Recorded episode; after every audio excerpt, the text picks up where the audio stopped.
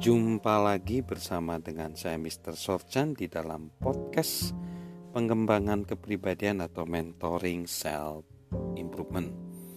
Saat ini kita akan terus menjawab pertanyaan tentang kebermaknaan. Bagaimana impian kita harus bermakna bagi sesama. Masalah kebermaknaan ini memang eh, secara usia pada waktu muda mungkin orang masih asik-asiknya menemukan bakatnya sendiri, mengeksplorasi kemungkinan-kemungkinan sendiri dan mencari tujuan-tujuan bagi dirinya sendiri. Namun, seiring bertambah usia, kalau kita semakin sehat, kita justru ingin berfokus keluar. Kita ingin bermanfaat bagi orang lain bukan kepada diri kita sendiri. Nah, Walau e, namun pada usia berapapun sebenarnya kita bisa mengeksplorasi diri kita agar kita bisa bermanfaat bagi orang lain, menjadi menolong bagi orang lain. Nah, bagaimana sih caranya supaya kita bisa e, menjadi pribadi yang mau bermanfaat bagi orang lain? Nah, yang pertama, kita harus mau dulu berbuat sesuatu yang berarti bagi diri kita sendiri kita harus berbuat sesuatu yang berarti bagi diri kita sendiri. Ini hal yang paling penting sebenarnya, bukan karena keegoisan diri kita sendiri, bukan. Ini karena hal itu harus kita lakukan. Coba kita lihat instruksi di pesawat terbang ketika ada dalam keadaan darurat. Petunjuk mengatakan, kenakanlah masker oksigen kepada diri Anda sendiri baru menolong orang lain. Hal ini menggambarkan bahwa mustahil kalau kita mau menolong orang lain kalau diri kita sendiri belum kita urus.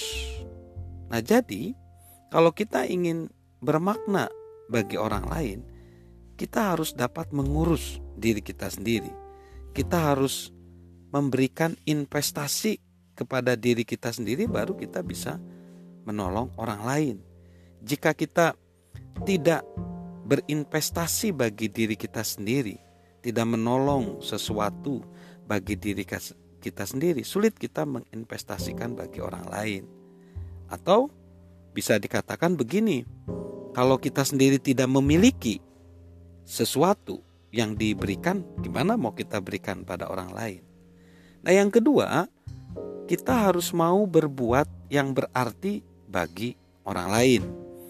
Perhatikan di kisah sebelumnya William Wilberforce, dia pada waktu itu sangat ambisius hanya untuk keindi, keuntungan dirinya sendiri. Tapi setelahnya dia berubah. Dia mulai memperhatikan orang lain.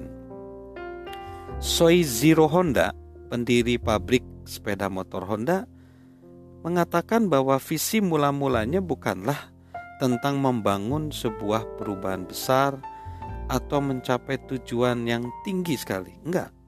Ia mengakui, saya kebetulan mendapatkan ide memasang mesin pada sepeda karena saya tidak mau naik kereta dan bis yang penuh sesak.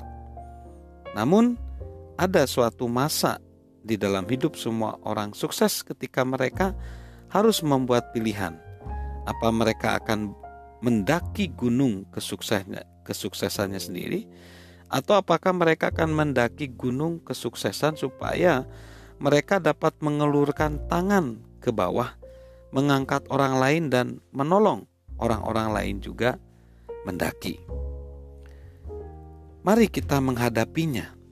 Kesuksesan dapat menjadikan orang egois jika Anda memanfaatkan bakat alami kerja keras Anda, Anda dapat menjadi pengatur siasat yang bertanya, apa yang dapat saya peroleh dari orang lain?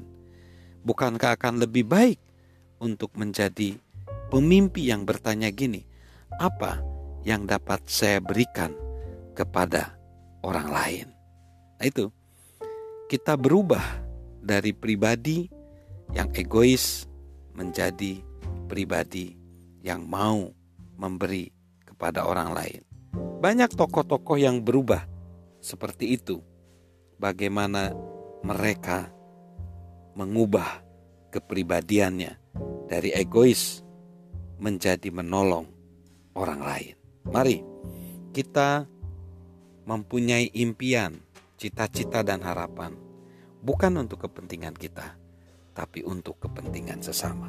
Salam sukses luar biasa dari saya, Mr. Sorchan.